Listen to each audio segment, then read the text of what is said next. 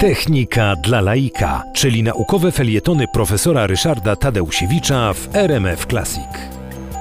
Analiza głosu człowieka dostarcza niezwykle bogatych i bardzo szerokich informacji, z których potem możemy mieć różne korzyści. Takim najbardziej naturalnym sposobem wykorzystania rozpoznawania mowy jest konwersja mowy mówionej do tekstu. Po co to robimy? Otóż w tekście znacznie łatwiej jest wyszukiwać pewne frazy. Jeżeli zrobimy nagranie na przykład no, audycji radiowej, czy na przykład jakiejś konferencji, to wyszukanie jakiegoś sformułowania, któregoś z dyskutantów, no, zajmuje bardzo dużo czasu. Trzeba przesłuchać całość, żeby, żeby znaleźć ten brakujący fragment.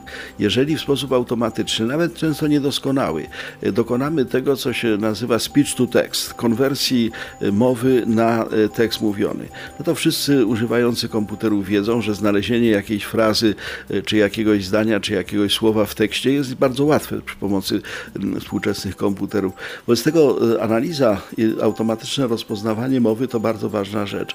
Natomiast y, można obecnie, współczesne środki techniczne pozwalają na to, że można również y, użyć sygnału mowy jako klucza, dlatego że każdy człowiek ma indywidualne i unikatowe brzmienie głosu. Wobec tego y, rozpoznając głos można na przykład no, zrezygnować z jakichś kart magnetycznych, haseł, pinów. Wystarczy, że powie się kilka słów i określony sezam się otworzy. Również jest bardzo przydatne to, że wiele chorób, wiele y, problemów zdrowotnych y, manifestuje się określonymi zmianami sygnału mowy. Wobec tego w chwili obecnej wiele problemów laryngologicznych, ale także stomatologicznych, związanych z chirurgią szczękową, związanych z nieprawidłowościami układu oddechowego, wykrywa się, analizuje i rozpoznaje na podstawie sygnału mowy.